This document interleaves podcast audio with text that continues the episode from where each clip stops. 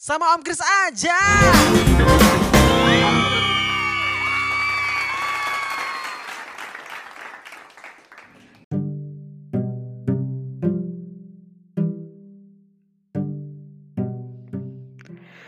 Halo semuanya, selamat datang kembali di podcast Om Kris. Ah, sudah lama tidak berjumpa, sudah lama tidak uh, mendengar suara Om Kris ya.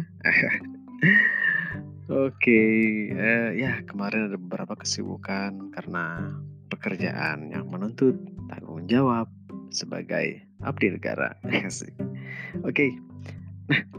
Uh, kita akan baca informasi sebentar ya dari liputan 6 yang judulnya Jokowi ingin sistem di empat negara ini jadi tolak ukur pendidikan Indonesia.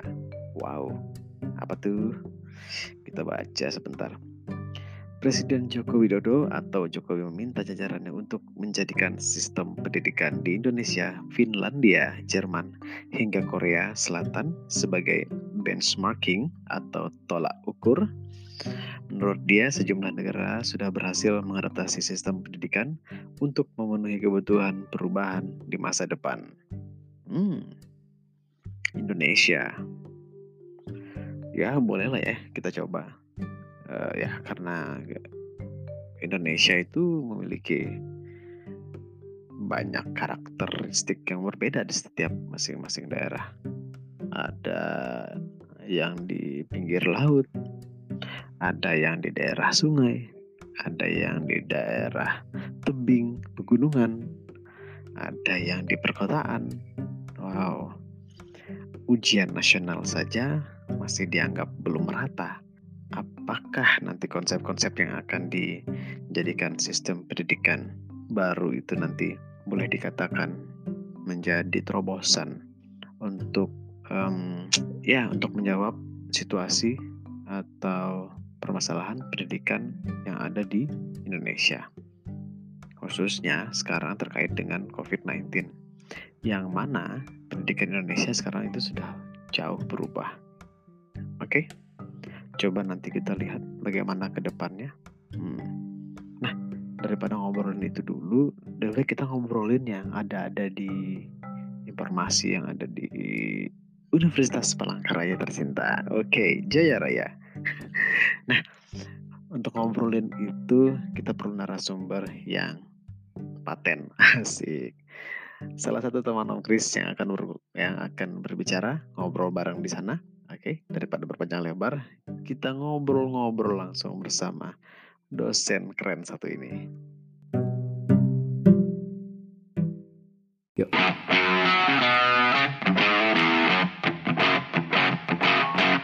Halo. Halo. Halo. Wah, oke. Sekarang kita sedang tersambung bersama Randy Iqbal. Benar di sana Randy Iqbal? Iya benar nih Bang Kris. Gimana kabar? Kita di sini jangan panggil bapak-bapak berarti ya. iya dong, kan beda forum. Aku kabar gimana? Gimana kamu? Alhamdulillah baik-baik juga. Oke, baik-baik juga ya sehat yang pasti. Alhamdulillah sehat sehat. ya karena di masa pandemi ini kita tuh ngobrol sama orang tuh yang ditanya tuh gimana kamu sehat apa enggak gitu kan? Iya benar karena sekarang kan juga Parno juga tuh. Orang kalau juga batuk sedikit, pilek sedikit, flu sedikit udah hmm. orang kayak kata Parno, eh kamu kenapa, kamu kenapa? gitu kan? Wah gatal sedikit tenggorokan tuh udah rasa apa gitu kan? iya semacam kayak berpikir oh ini tanda tanda kamu OTG nih gitu kan. Padahal padahal padahal enggak kan enggak berdasar itu juga. Mm betul betul betul. Oke Ren. Sekarang uh. ini bagaimana kegiatan belajar mengajar uh, kalau kegiatan belajar mengajar ini ya apa namanya tetap mengikuti protokoler maksudnya kita sekarang tidak dibolehin di kelas kan ya kelas secara tatap muka jadi kebanyakan sekarang ya kelasnya pakai zoom aduh pakai zoom meeting udah terlanjur sebut aplikasi nih ibaratnya yang model-model begitulah uh, fasilitas atau aplikasi-aplikasi yang bisa digunakan untuk meeting online gitu. Oh, ya, sorry semua, sorry. Ya? Ini kok pertanyaannya langsung ke situ ya? Kayaknya teman-teman yang lain ini belum tahu deh Randy siapa. Atau Randy sudah terkenal kali di kalangan musisi. Eh, bukan ya, itu kakaknya ya. Ini deh, kenalin diri dulu dong. Aduh, tadi lupa nanya langsung ke situ. Oke, oke. Silakan, silakan, Eh, Ren. halo, halo, halo eh, teman-temannya Om Kris di sini ya. Eh, Aku Randy Iqbal, eh, salah satu partner eh, Om Kris nih kerja kerjanya sebagai tenaga pengajar nih di salah satu kampus di di Palangkaraya. Ya kalau misalnya banyak yang kenal sama kakak aku, kakak aku salah pemusik juga di sini musisi di Palangkaraya ya. Gitu. Tapi kita menempuh jalur Jalur yang berbeda ya. ya. Oke, oke. Sekarang eh, disebutin aja lah tempat kerja kita di mana. Ya kampus di apa kampusnya kampus tercinta Universitas Palangkaraya gitu kan. Oke. Fakultas apa, Ren? Fakultas MIPA, jurusannya di kimia. Oh, waduh, kimia. Ngomong-ngomong masalah kimia ya di SMA tuh sering nggak masuk kan? Eh, sebenarnya kalau boleh cerita juga ini bukan pilihan pertama sebenarnya. sering susah gitu masuknya tuh. Aduh. Tapi kalau nonton film tentang kimia-kimia, wah senang. Tapi pas belajarnya, wah susahnya. eh, tapi sebenarnya kalau kimia itu bisa di kita tuh kayak ilmu yang benar-benar real life gitu kan. Jadi kalau kita dari bangun tidur sampai ketemu sampai tidur lagi itu kita Hmm. pasti apa berhubungan banget sama sesuatu yang berbau-bau kimia. Dari kita bangun tidur pun kita kan ngirup oksigen. Bahkan kita tidur pun kan kita ngirup oksigen dan itu tuh benar-benar secara tidak tidak sadar tuh kimia tuh ada di kehidupan kita gitu. Jadi sebenarnya eh, belajar tuh dari kehidupan sehari-hari aja dulu ya Iya, seharusnya. benar. betul. Filosofinya Nah. banyak dari sehari-hari sebenarnya. Mm, mm, mm. Nah tadi tuh ngelanjutin itu Ren, gimana tuh belajar mengajar? Oh iya, Mm, belajar udah berapa bulan ya? Udah dua bulan Sudah berapa kayaknya. bulan ya? Kayaknya dari Maret deh lupa dari kapan itunya kita udah disuruh WFH, nggak Mhm. boleh lagi ngajar di kelas secara tatap muka. Terus Mhm. kemudian kita juga ya udah nggak memanfa- memanfaatin aplikasi yang buat meeting online gitu, buat ngajar. Cuman kadang-kadang ini juga Bang Kris apa namanya kayak semacam dilematis juga ya. Kadang-kadang uh, ada sih dengar alasan mahasiswa alasan itu gini Pak apa namanya kuota habis berat Mhm. ini jadi dilematis ya kalau nggak gitu kuliah juga susah gitu kan. Karena kadang-kadang apalagi kalau kami di ilmu saintek kalau tanpa dijelaskan itu kalau kita cuma ngasih kamu belajar ini kita kasih bahannya itu kayaknya susah banget gitu kan. Yang diajarin aja ada ada dosennya ada gurunya itu juga ada susah kan. Gimana kalau kita cuma ngasih PDF doang ke anak-anak gitu kan agak susah. Makanya dilematis. Susah banget itu. Jadi apalagi eh, kalian ya, apalagi kayak teknik mesin gitu ya, kedokteran, nggak mungkin kan itu. Nah betul dan juga kan kita ada yang ada life skill kan, maksudnya tuh bagaimana. Nah se- semenjak pandemi ini kita tidak ada yang life skill praktikum gitu yang ibaratnya kalau kita mau ngebuat bahan kan harus praktek langsung gitu loh. Nah jadi selama pandemi itu kegiatan itu tidak bisa dilakukan karena tidak boleh mengumpulkan orang di dalam laboratorium. Ya. Jadi eh, Randy sampai saat ini eh, tidak ada menyentuh atau datang ke kampus atau bagaimana? Kalau ke kampus ada untuk beberapa Kampus. keperluan.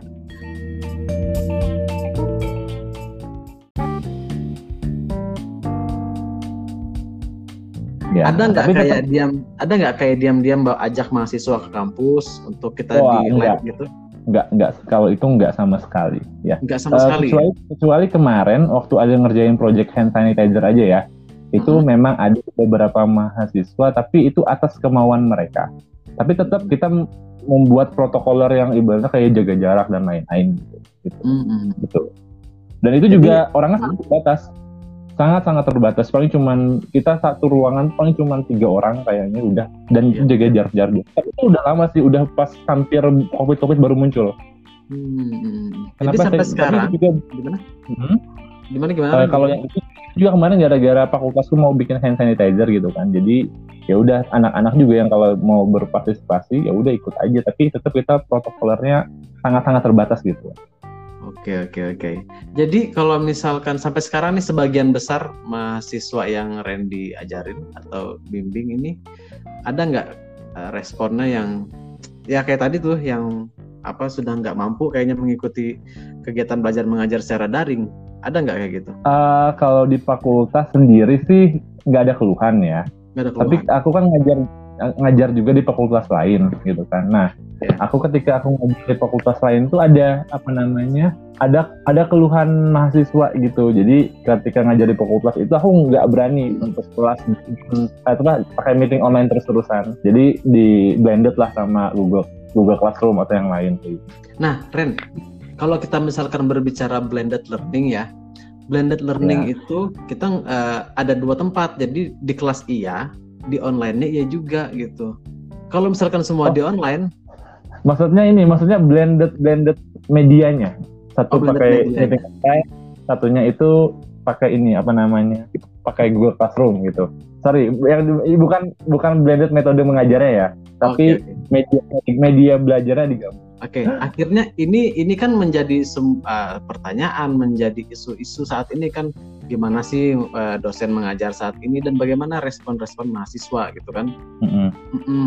Mungkin ada yang lagi di daerah gitu, ada nggak mahasiswa Randy? Ada yang ada banget, ada banget. Eh, jadi kayaknya kalau kita lihat pola ya, pola pola mahasiswa juga ketika udah mau diumumkan WFH tuh banyak banget mereka itu balik kampung gitu kan, yang balik ke rumah mereka entah di mana. Betul. Eh, jadi problem ada juga begini aku pernah gini juga meeting online ngajar kelas ya jadi mereka itu pak bentar pak ya susah cari sinyal gitu kan nah Betul, terus ada betul. lagi juga apa namanya, apa yang lucu tuh begini dia itu sampai ke belakang rumahnya jadi ketika dia muncul backgroundnya itu ya jadi ada mukanya dia kan kalau meeting online nah Ah. di belakangnya dia tuh udah hutan gitu loh gila kan kalau biasanya kan ini ruang tamu gitu kan ruang tamu atau enggak background kamar background kamarnya kayak apa ini enggak dia keluar rumah kayaknya sih terus belakang hutan gitu Mm-mm. wah ini orang kan kayaknya lagi di daerah terus dia nyari sinyal keluar pemikirannya gitu aja sih Nah, Ren, eh, untuk kondisi di Kalimantan Tengah sendiri kayaknya bukan cuma satu dua mahasiswa. Hampir mungkin hampir 50% mahasiswa itu kan dari daerah ya. ya benar benar. Nah, itu dia tuh. Memang kayak kayak Randy bilang tadi ada yang lagi di hutan, mungkin di belakang rumah. Ada kemarin juga yang pas aku ngajar itu lagi di bawah pohon pisang gitu, cari sinyal. nah itu kan sinyal kasus gokil sih Ya itu jadi kalau misalkan tapi jauh deh kalau misalkan nanti kita ngobrol masalah uh, bagaimana masa depan pendidikan Indonesia di saat pandemi ini. Tapi jangan sampai situ. Karena akan panjang. itu nanti bakal ber- berapa waktu lagi kan Iya. Itu kayak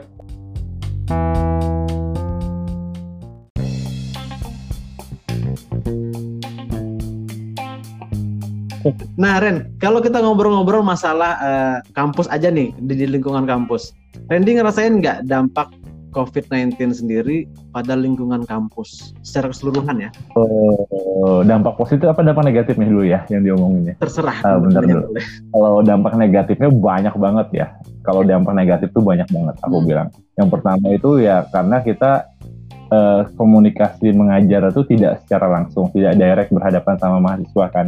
Nah, Eh, untuk- apalagi untuk khususnya fakultas saintek yang berbasis sains dan teknologi itu tuh bakal sangat merugikan karena kita kehilangan waktu untuk praktek betul. praktek praktikum ya itu itu kita nggak bisa lakuin di saat saat begini gitu kan selain itu juga perekonomian di daerah kampus di area kampus itu down ya contohnya kayak yang jual-jual makanan jual-jual yang ya bapak bap- apa yang jual yang biasa jual-jual makanan mahasiswa buat mahasiswa itu kan mereka turun omset banget kan di tengah pandemi begini Print, fotokopi Itu kok- gitu ya? Iya, makanan, printer, fotokopi, terus mungkin coffee shop coffee shop itu kan juga kebanyakan di daerah Palangkaraya ini kan maksudnya banyak mahasiswa Betul. kan yang ngisi. Nah itu juga pasti semua itu yang related sama berhubungan sama mahasiswa juga pasti ini apa namanya turun omset semua. Eh, selain itu juga gini bang apa namanya Hmm. yang paling minim sekarang inilah kegiatan kemahasiswaan. Jadi salah satu indikator pemeringkatan atau penilaian suatu universitas itu kan salah satu kegiatan kegiatan kemahasiswaan dari itu prestasi mahasiswa dan lain segala macam ya. Nah di Ah. tengah pandemi ini kita tidak boleh mengumpulkan orang dan lain-lain untuk melakukan sesuatu kayak gitu, ibaratnya lomba dan lain-lain. Nah makanya sekarang itu juga pasti di tahun ini tuh prestasi mahasiswa bakal turun kecuali yang lomba-lomba online aja sih kebanyakan yang ada. Iya, Itu betul. dampak negatif. Oke, oke. Nah, kita masih di dampak negatif ya. Jadi tadi Ya. seperti yang Randy bilang kayak uh, masyarakat di lingkungan kampus itu kan ber- bukan berharap sih. Ya memang konsumen mereka itu ya dari mahasiswa ya. Betul. Nah, jadi aku tuh ngelihat kemarin Ren, jadi fotokopi itu seharian loh, kayak nggak ada pelanggan gitulah. Ya namanya juga mahasiswa nggak ada, kegiatan di kampus kita Hmm. juga nggak ada. Jadi ya gimana ya, ini mau sampai kapan kayak gini kan? Iya benar Gitu. benar. Nah, kalau misalnya ngobrolin masalah positifnya deh, aku bingung kalau negatifnya ini pasti banyak. Kalau positifnya apa Ren? Nah, positifnya banyak bang. Oke oke. Ya, apa? jadi pertama satu, eh, kita kan sudah direvolusi industri 4.0. Jadi secara tidak sadar dampak COVID ini tuh jadi membuat kita itu aktif terhadap melek teknologi. Oke, Ya, yang dulu mungkin awalnya tidak ada namanya webinar, webinar, webinar tuh. betul. Khususnya di kampus kita kan mungkin tidak pernah kenal mungkin atau mungkin ada kenal tapi nggak sekarang semua kita namanya webinar, webinar.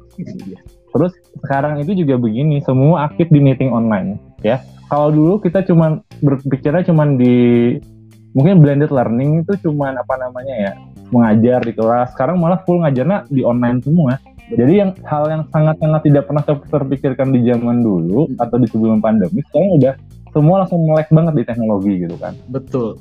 ya kan? Itu yang positif banget menurutku Mm-mm. karena karena ada pandemi ini jadi kita kepikiran langsung untuk aktif di menggunakan media-media online terus gini juga eh, setelah berpikir ada pandemi ini jadi kampus itu Hah? banyak banget triknya ya langsung banyak yang kreatif gitu kan Eh, contohnya aku ambil contoh nih ya Hah? di tetangga di Mula Warman ya gara-gara pandemi itu dia seti eh, untuk jurusan kimia itu setiap hari Selasa tiap minggu itu dia bikin webinar online dengan mengundang pemateri-pemateri dari luar negeri contohnya kayak gitu. Nah dan itu kan kita kita membuat seminar dari dengan dengan pembicara dari luar negeri tanpa harus mendatangkan dia itu kan enak banget. Betul. Anggaran juga nggak ada akhirnya. Nah itu tapi ya mau mau anggaran anggarannya jadi sekarang nanti mungkin pikirku ya setelah Hah? ada we- setelah ada ini yang namanya SPPD itu pasti dikurangi. betul betul betul betul. Kalau memang bisa lewat webinar pasti diar- diarahkan lewat webinar. Feelingku ya mungkin kayak ada bimtek yang memang harus bisa lewat webinar, ya webinar aja. Kan hemat anggaran bisa bisa dialihkan ke sesuatu yang lebih menggebrak untuk kampus sih menurutku ya Mm-mm. kan itu. Oke oke oke. Eh, terus ada dampak positifnya mahasiswa banyak di rumah aja salah satunya. Itu Ya, pasti. kayak kita kan nggak tahu, ya kan? Kita kan nggak tahu tuh kalau kalau nggak ada pandemi ini mahasiswa eh, aktivitasnya ngapa-ngapain aja di luar sana kan bisa jadi banyak hal negatif gitu kan. Mm-mm. Nah itu kan kita nggak tahu itu. Oke bu, sampai di situ tadi eh, apa namanya dampak positifnya ya. Nah Mm-mm. jadi eh, kalau misalkan tadi kita berbicara dampak positif, berarti ada hal-hal yang akhirnya yang tidak terbiasa, yang dulunya itu eh malas deh kayak kuliah online, kemudian apa sih rapat-rapat online nggak penting gitu, langsung ketemu aja gitu kan. Eh tapi sekarang nyatanya bisa Ya. gitu kan. aku tambah lagi bang satu dampak positif. Nah, coba. Aku lupa ini. Kita bisa hadir di tiga tempat atau empat tempat dalam satu waktu. Bener banget. Ya. Soalnya aku tadi pagi Multitasking banget ya. yang penting device kita ada aja berapa ada berapa device gitu kan yang mendukung kita bisa hadir di beberapa tempat itu yang keren banget menurut aku atau ada juga kadang-kadang begini eh, cerita dari beberapa dosen yang emak-emak ya Hah? dia meeting online Hah? kamera dimatiin soundnya dimatiin dia sambil ngedengerin dia sambil masak cuy iya kan itu kan multitasking banget bener kan kan Aduh aku jadi malu. Aku pernah sambil sambil di WC. ya makanya itu kan itu ibaratnya dari situ itu dampak positif juga menurut kita bisa multitasking dengan beberapa hal gitu betul betul. Wah gila ya. Jadi sekarang itu memang semuanya serba berubah gitu ya. betul Ah, serba berubah. Nah ngomong-ngomong perubahan, ah, ya sekarang kan dicanangkan itu ada namanya new normal. New normal itu Benar. menurut Randy sendiri kalau misalkan di sini kan dikatakan itu adalah eh, mengubah perilaku ya. Kalau Hmm. kalau tadi kan aku cari tuh di KBBI perilaku itu apa sih? Ternyata perilaku itu adalah perbuatan yang dilakukan seseorang kepada orang lain karena memberi dampak yang positif kepada orang lain. Jadi memang eh, hal-hal yang setiap hari kita lakukan itu akhirnya berubah gitu ya. Kalau menurut Randy gimana? Benar. Eh, sebenarnya setujunya kalau misalnya new normal area positif sih bagus ya, aku setuju banget. Ya, ibaratnya yang awalnya kebiasaan-kebiasaan yang awalnya belum ada tiba-tiba muncul kayak kebi- kebiasaan-kebiasaan yang sudah ada dan itu berdampak positif, Hmm. aku setuju banget. Ya, tapi kalau new normal nantinya itu menghasilkan sesuatu yang negatif, Hmm. nah itu aku juga kurang setuju dengan hal yang seperti itu karena nanti kan suatu keputusan new normal ini kan akan ada dua sisi ya Betul. ada bakal sisi positifnya sama ada sisi negatifnya. Nanti lihat dulu mana yang paling besar gitu. Oke, betul betul. Nah, jadi kalau misalkan kemarin atau tadi ya, atau eh, kemarin deh kayaknya kita eh, membahas tentang new normal ya. Kalau new Oh normal iya, nah, kemarin kemarin. kemarin ya. Ya. Nah, menurut Randy sendiri sekarang eh, new normal yang ada di UPR tercinta, apakah sudah eh, sudah boleh di kita jalankan new normal?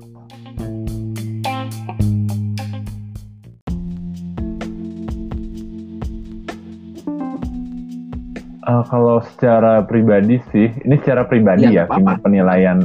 eh, kayaknya aku kurang setuju. Kayaknya kurang setuju. Hmm. Kalau untuk di- diadakannya bulan ini, ya, Untuk untuk bulan. ini ataupun mungkin ke depan, ya mungkin ya. Hmm. Karena eh, kalau misal kalau dengar kemarin kan wacana new normal itu kan teknisnya ada banyak tuh. Hmm. Ya salah, tapi ini belum final sih. Ya ada yang mengusulkan kalau misalnya set- setiap ganti kelas harus disemprot Ya, kelasnya. betul. Tapi maksudnya itu kan ya kan ada juga yang bilang mahasiswa eh, mahasiswanya setengah setengah mahasiswa hadir, Hmm. sisanya setengah mahasiswa tidak hadir kemudian direkam gitu kan. Hmm. Ada beberapa tapi kan beberapa opsi itu kan sama saja mendatangkan mahasiswa dari yang luar kota, Hmm. dia bakal datang ke Palangkaraya. Nah, sedangkan di kasus kita itu kurvanya belum turun. Nah, kebayang toh kalau misalnya bakal ada orang yang membludak datang ke Palangkaraya untuk new normal, kalau kita nggak tahu mahasiswa ini apakah datang dengan keadaan sehat walafiat ataukah dia sebagai OTG atau dia sebagai carrier pembawa Dan virus. kayaknya kita nggak bisa Nah, membatasi itu ya. Kalau mereka datang ke Palangkaraya lagi. Betul. Dan kemudian memang kalau memang kalau misalnya mau dibuat nih penjarakan ya satu, sat- jarak satu meja satu satu kursi dengan lain satu Hmm. meter satu kursi dengan satu meter. Tapi kan kita nggak bisa kontrol mereka ketika dia keluar kelas, Betul. ya kan? Terus juga kemarin kan juga ada yang mengusulkan setiap kelas itu di tem tem gun sebelum masuk kelas tem gun setelah masuk sebelum masuk kelas di tem Hmm. gun. Eh, cuman kita butuh anggaran yang lebih besar toh menyiapkan orang-orang untuk mentemgannya terus menyiapkan tem per tem apa tem gunnya juga seberapa banyak sesuai dengan kelas yang ada gitu Iya. kan. Sebenarnya tapi memang sih itu bakal nanti ke larinya kalau memang diterapkan hal-hal yang seperti itu pasti larinya ke arah anggaran anggarannya juga harus lebih besar kan untuk mempersiapkan haji. Ada juga yang diusulkan di- disemprot desinfektan. Cuman kan kalau kelas kebayangin aja satu misalnya satu ruangan di sehari dipakai enam kelas ya, enam kelas berganti, enam kali semprot dong. Iya. Terus sekali kan berapa ruangan sekampus? Itu kan berapa anggaran sehari? Betul. Kemudian belum dosennya ditambah jamnya. Nah itu dulu ya itu faktor resiko. Tapi makanya makanya aku bilang kalau untuk bulan ini Mhm. diberlakukan new normal setuju karena kurva kita juga belum turun. gitu. Atau nanti kita melihat kurva dulu turun, baru tuh boleh di apa programkan kembali. Ya. Ya, mungkin seperti itu kayaknya lebih aman gitu kan karena sekarang itu kan lagi naik-naiknya dan kita tidak tahu mahasiswa ketika pulang tuh mereka kontak dengan siapa saja. Betul. Waduh. Jadi kalau misalkan new normal di UPR, kalau menurut aku sendiri sih, eh ya kalau menurut aku sih belum ya, karena tadi itu eh, kalau misalnya kita ngobrol masalah tentang bercerita tentang mahasiswa, mahasiswa ini nggak sedikit di UPR, banyak banget. Betul, ya kan student student body-nya sekitar 18.000 sampai 20.000 Iya, kan satu UPR Itu luar gitu. biasa sekali kalau Aku misalkan itu dibuka, wah Wah, dan aku yakin begini juga Bang, pasti 50% lebih udah pulang kampung gitu kan. Yang paling ya cuma dari Sumatera Utara yang stay di sini atau orang-orang luar Kalimantan yang stay di sini kan. Kayaknya udah pada balik kampung. Iya iya iya iya. iya. Oke, tadi aku mau nanya apa ya Iya. lupa lagi tuh. Ini nih kalau ngobrol lupa saking sebanyak-banyaknya yang ngobrol. jadi oke, Ren kita lanjut. Kita lanjut tentang new normal. Iya. Nah, oke, yang pasti PSBB itu akan tetap dilakukan. Ah, Hmm. PSBB tetap dilakukan. Nah, aku tuh punya ide kalau misalkan PSBB di kampus itu gimana ya? Eh, tapi bagaimana terus gimana Bang kalau PSBB di kampus Bang? Iya, Ininya, jadi mekanisme jadi itu ah, apakah di Eh, tadi begini juga yang harus kita pikirkan. Berarti kan itu kan pembatasan pergerakan orang di dalam kampus Iya. kan? Oh iya. Kemudian Nah, menurut ya jadi eh, PSBB di kampus itu eh, gimana ya? Tapi bingung lagi nanti ben- terbentur lagi dengan jadwal akademik. Masing-masing fakultas memiliki jadwal akademik masing-masing. Nah, itu sih Eh, yang aku pikirkan malah begini juga kalau kita membatasi pergerakan mahasiswa sekampus itu kita bakal keterbatasan dengan yang namanya ruangan sih. Oke, ruangan. Aku mal- malah menurut aku tuh gini Ren, kita tuh fokusnya misalkan ke FKIP itu mereka nggak boleh ke sana kemari, kemudian yang eh, Pergi apa ekonomi nggak boleh ke Keterbatasan sana mereka kemari. gitu kan. Misalnya ya udah di fakultas ini. Iya. Tapi itu siapa yang bisa ngawasin? waduh, nggak ada eh. Nah, itu kan kan nggak ada kan Itu kan nggak ada stempel di mukanya oh gua, apa aku anak FKIP gitu kan aku anak FEB FMIPA kan nggak Eh. ada ya nggak Eh, sih betul betul. Nah itu kalau aku sih akhirnya belum ada jawaban yang pasti tentang new normal ini karena memang juga ya tadi kita bicara tentang kurva yang selalu naik masih belum turun gitu. Nah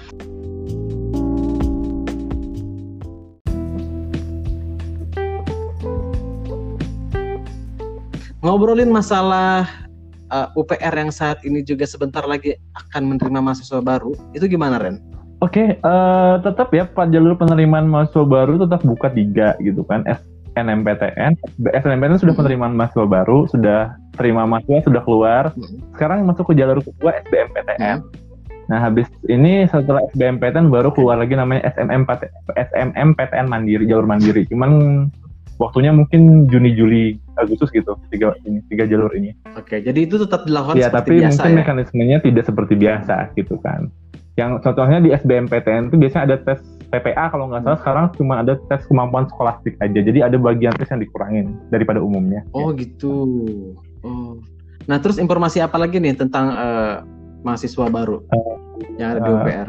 Boleh deh Randy kalau misalkan ada informasi. Eh, sementara itu sih, tapi nanti untuk jadwal S penerimaan jalur mandiri sih nanti menyesuaikan tanggal tanggal lagi ya karena menyesuaikan kita yang pasti bakal uji coba nih SBMPTN dua SBMPTN SBMPTN kalau udah clear baru jalur mandiri.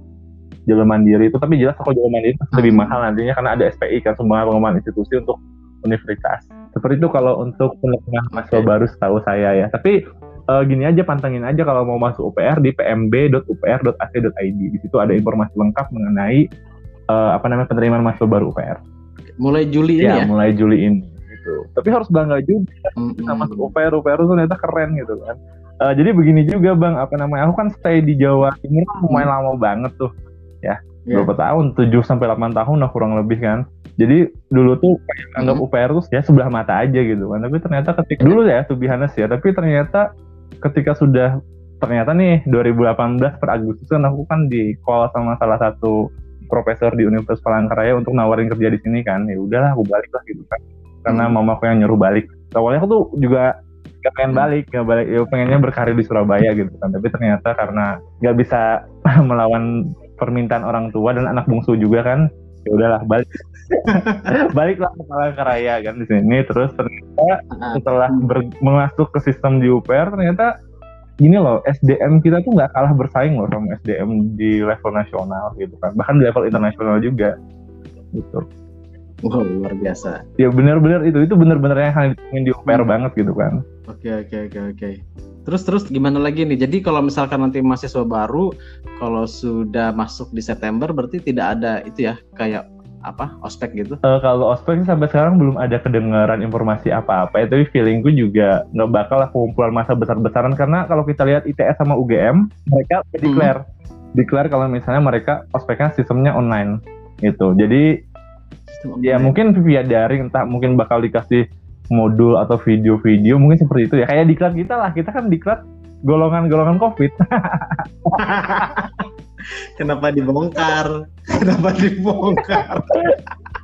ya, ya Kita ini golongan golongan manja akhirnya nanti. eh, tapi ada untungnya ya ada untungnya Gitu.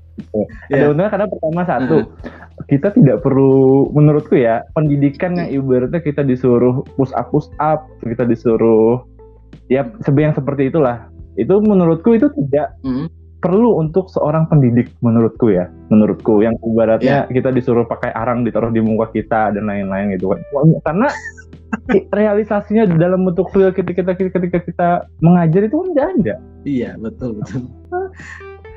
Nah Ren Ren gini Ren, kalau misalkan sekarang ini kan eh, sudah berapa bulan kita ini, itu kalau tanggapan dosen-dosen lain teman-teman yang mungkin yang Randy dekat juga Hmm. gitu, seangkatan kita itu mereka gimana nanggapi ini? Apakah mereka ada yang pesimis atau malah suka kayak gini itu gimana? Kalau jawabannya relatif ya. Ada yang ada yang tidak suka seperti ini, ada yang pengen cepat-cepat balik ke Hmm. normal, apa namanya ke sistem mengajar yang normal, ada yang ada yang Hmm. suka juga WFH karena kalau yang suka WFH itu kan kita ngajar ini Bang apa namanya? Hmm. Oke, baju rapi atasnya doang, bawahnya gitu kan. Jadi ada Betul, betul, kelas betul. jam 7 pagi ya udah pagi-pagi gak usah Hmm. mandi juga bangun tidur langsung ngajar juga nggak masalah kesannya gitu kan. Nah itu Iya, aku iya. bilang jawabannya relatif apa namanya tapi ada juga yang eh, apa namanya yang memang suka di kelas apa namanya supaya mungkin Hmm. seringnya tuh ada ya sama mahasiswa kalau lagi ya Hmm. saintek sih berkendalanya pasti di praktek gitu kan kita nggak bisa praktikum gitu Iya. problemnya di situ Ya, jadi kalau misalkan sekarang tuh feel different. Jadi perasaan yang berbeda gitu ketika kita bersosialisasi langsung dengan Betul. mahasiswa online tuh beda. Enggaknya gitu kan? ya benar itu sepakat banget bang itu jadi memang sense to belonging sama mahasiswa tuh juga kayak nggak ada gitu kan gitu. dan kita juga Iya. nggak tahu mahasiswa tuh fokus apa enggak sih di depan laptopnya dia gitu kan Betul. itu Oke, jadi eh, dari sisi mahasiswa itu juga ada eh, yang suka atau ada yang yang nggak bukan nggak suka sih, bukan mereka juga belum bisa menerima ini secara utuh gitu ya dengan apa kegiatan belajar mengajar daring. Ada juga dosen ya yang yang kayaknya lebih suka di. Jadi belajar mengajar itu bukan konvensional sih namanya, tetapi memang kita perlu tatap muka, perlu apa namanya bersosial. iya Nah. betul Oke, Mm-mm. Ren, kira-kira nih untuk ke depan eh, ada nggak kalau misalkan dari pemikiran Randy sendiri eh, apa sih yang bisa diperbuat gitu oleh UPR atau apa sih yang bisa diperbuat oleh kita kita dosen ini untuk supaya pendidikan terus berjalan, jangan sampai putus, jangan sampai pendidikan itu ngambang, Ren. di tengah pandemi covid begini Betul. Oke, banyak hal sih sebenarnya yang bisa dilakukan di tengah pandemi seperti ini ya, menurutku. Jadi eh, sekarang itu UPR, nanti kita bicara UPR dulu ya. UPR itu di tengah Ya. di tengah pandemi ini sekarang lagi lagi akan membuat webinar beberapa series gitu kan. Kebetulan aku juga salah Oke. satu penelitinya gitu. Jadi UPR itu sekarang salah satu untuk supaya sustain di dalam pendidikan selain untuk mendukung dosen-dosennya ber- berkreasi dengan cara sendiri, tapi UB, UPR juga bakal membuat webinar nanti bakal ada webinar tingkat lokal, tingkat nasional, juga ada satu lagi nanti webinar tingkat internasional. Jadi pembicaranya itu ya, aku kasih bocoran nih, Nggak apa. bicaranya itu nanti dari ada yang dari Italia. Nah Waduh. itu untuk webinar internasional. Insya Allah itu yang dari Italia. Gitu. Jadi nanti bakal invite yang dari Italia, kemudian dari Jepang kalau nggak salah juga ada di perencanaan itu. Kami tadi masih rapat-rapatnya salah satunya dari Jepang, Italia sama Australia Insya Allah tiga itu ya. Mm-mm. Tapi nanti lihat eh, realisasinya nanti apakah bisa tiga tiganya atau gimana. Tapi perencanaan itu ada. Jadi salah satu juga cara menunjukkan bahwa eksistensi UPR di tengah pandemi ini untuk kita juga care loh di dunia pendidikan dengan cara webinar karena memang kan kita basisnya adalah pendidikan gitu kan. Nah, Ya. untuk itu yang bakal salah satu hal yang bakal dilakukan UPR di dunia pendidikan. Terus kita juga ini kan pembangunan gedung tujuh lantai untuk fasilitas pendidikan kan juga tetap berjalan nih kan. Eh, kalau misalnya Oke. Bang kalau misalnya Bang Kris itu ke arah MIPA kedokteran tuh itu tiap hari truk lewat ya. Ada truk lewat buat Oh, ya. tetap kerja mereka di situ ya. Jadi mereka tetap kerja. Jadi eh, yang apa namanya kontraktornya tetap jalan gitu kan. Jadi eh, kita nanti mungkin di akhir tahun atau paling telat awal tahun depan lah ya. eh, kita tuh nanti bakal punya namanya pusat pusat ah, bentar aku lupa namanya. Oh, pusat Ah, itu pusat pengembangan iptek gambut dan inovasi gambut. Itu nama lengkapnya. Ya. Jadi itu salah satunya bakal jadi gedung tertinggi di UPR nantinya di situ. Jadi meski Wih, itu keren banget tuh Ren. Ya betul. Kita nanti juga bakal jadi pusat rujukan gambut tingkat dunia gitu kan internasional. Gitu. Oke. Widih. Jadi eh, memang eh, kalau misalkan rencana-rencana itu yang ya tadi sem- seperti Randy bilang kalau misalkan ada webinar dari narasumber internasional ya. Ya. Kalau misalkan untuk kalau itu tadi mungkin fokusnya ke dosen ya. Oh iya betul betul. Ya. Nah, Kalau- kalau misalkan ke mahasiswa, yang dilakukan oleh dosen-dosennya ya. ah, ah, Nah kalau misalnya aku secara personal nih, ya, aku Hmm. personal ini tuh sekarang masih aktif membimbing mahasiswa untuk mengikuti event-event lomba tingkat nasional, ya. Jadi ada nih beberapa event. Jadi kita, aku juga mau, mau apa namanya mendorong mahasiswa itu untuk aware juga meskipun di tengah pandemi gini kita juga bisa eksis di dalam perlombaan dan lain-lain. Nah kebetulan mm, eh, ada sih beberapa yang lagi berproses tapi nanti mumpung eh, sampai sekarang belum ini sih belum pengumpulan naskah dan lain-lain tapi didoakan saja semoga nanti mendapatkan hasil yang terbaik untuk UPR dan di dunia pendidikan juga kan.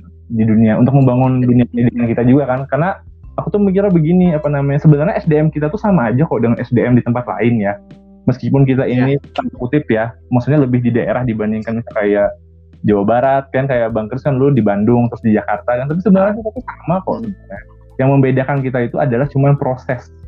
Ya proses pembentukan SDM mungkin selama ini tuh kita tidak terlalu dibentuk dengan cara kekinian jadi mungkin masih cara cara cara cara zaman dulu ya yang tidak mengikuti perkembangan zaman sekarang itu tuh jawaban yeah. pertanyaan-pertanyaan zaman sekarang tuh mungkin belum mengikuti banget gitu karena sekarang itu kita harus lebih melek lagi supaya SDM kita tuh bisa bisa survive lah dan bisa juga bisa bersaing di level-level nasional itu. Iya betul. Nah jadi Ren, uh, aku juga kan akhirnya berpikir tuh, kalau misalkan kita tuh belajar terus seperti ini, mm-hmm. uh, aku takutnya juga uh, untuk penilaian ke mahasiswa atau mahasiswa itu menerima apa yang kita berikan, itu kayaknya nggak uh, terlalu banyak berapa persen gitu ya. Yeah. Nah, jadi aku tuh kayak lebih banyak kalau misalkan suruh mereka tuh kebanyakan tugas tapi praktek tugasnya itu. Misalkan kalau Benar. apa yang membuat kalian produktif, apa yang menjadi inovasi kreasi kalian selama pandemik ini itu yang mereka lakukan. Kemudian yeah. jadi kayak gitu-gitu. Jadi jangan sampai mereka uh, stop otaknya gitu. Yeah, aku juga gini bang apa namanya? Aku nyuruh mereka jadi youtuber juga malah. Ya, jadi iya betul. Jadi aku kasih tugas ya kalian bikin materi ini terus kalian present seperti ada di video lecture video lecture punyanya uh, Michigan State University atau University of California Los Angeles. Jadi aku kasih contoh videonya ya. Jadi kan ibaratnya itu kan biasanya kan kalau kita kita lihat video lecture itu kan ada full layar materinya, terus layar mm -hmm. kecil di kecil di sebelah kanan itu gambar mereka ketika ngomong. Atau yeah. di materinya aja terus tapi mereka ada suaranya mereka gitu kan. Mm -hmm aku, aku salah satunya yang aku coba begitu. Terus ada juga ini hmm. ketika pandemi dan lain-lain mereka nulis deh sampai ada yang tembus media masa aku kasih A langsung. Oh iya? Sudah nulis, ada tembus? Uh, sampai saat ini sih kemarin bulan apa ada tembus gitu tapi awal-awal pandemi yakin? Itu bakal A juga nilainya gitu.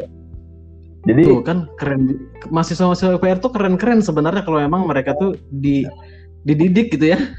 Ya, sebenarnya menurutku itu aja sih ibarat cara-cara yang mungkin klasik kita lari ke arah yang lebih kekinian gitu. Betul betul. Oke, Ren, sepertinya sudah 30 menit lebih. Nah, sekarang nih pesan-pesanan nih buat mahasiswa-mahasiswa yang sedang berada di tempat mereka masing-masing. Apa tuh, Ren? Uh, kalau pesannya simpel aja sih ya. Uh, stay healthy, stay safe dan lain-lain. Uh, tapi aku lebih menekankan begini, meskipun kita sekarang bakal lebih banyak di rumah dan lain-lain, kita tetap harus kreatif berkreasi lah. Karena berkreasi itu sekarang di era 4.0 itu banyak banget caranya. Bisa pakai youtuber, bisa jadi bisa jadi youtuber, bisa jadi influencer di apa pun dan jangan dan ini juga ketika kita jadi mahasiswa tuh jangan satu arah dalam arti satu arah tuh ketika dosen memberi udah kita cuma cukup menerima tapi kita bagaimana sih menyebarkan ilmu yang kita terima itu dalam bentuk sesuatu. Entah itu dalam bentuk sesuatu YouTube kayak atau sesuatu yang lain lah atau tulisan ini yang bisa bermanfaat dari yang ini bisa bermanfaat untuk halayak ramai gitu kan. Karena sebaik-baiknya ilmu itu adalah ilmu yang bermanfaat. Betul. Dan juga kalau menurut aku sih sarana ke mahasiswa mereka juga kalau misalkan di tempat mereka tidak terlalu banyak yang apa ya kalau anggaplah positif tidak terlalu banyak. Kemudian aman-aman aja di daerahnya coba di situ mulai membangun bagaimana uh, mahasiswa UPR itu bisa loh menjadi apa pedoman menjadi contoh atau role model bagi masyarakat di sekitar mereka gitu kan. Nah ini setuju banget itu. Jadi penggerak kan iya aku pengen tuh gitu. Jadi mahasiswa-mahasiswa itu di setiap masing-masing daerah itu uh, jadi UPR itu punya nama di masing-masing daerah. Seperti itu sih menurut aku. Nah itu itu sepakat banget mas. Mm -hmm. Nah, oke, okay, Randy, sudah 40 menit saat ini.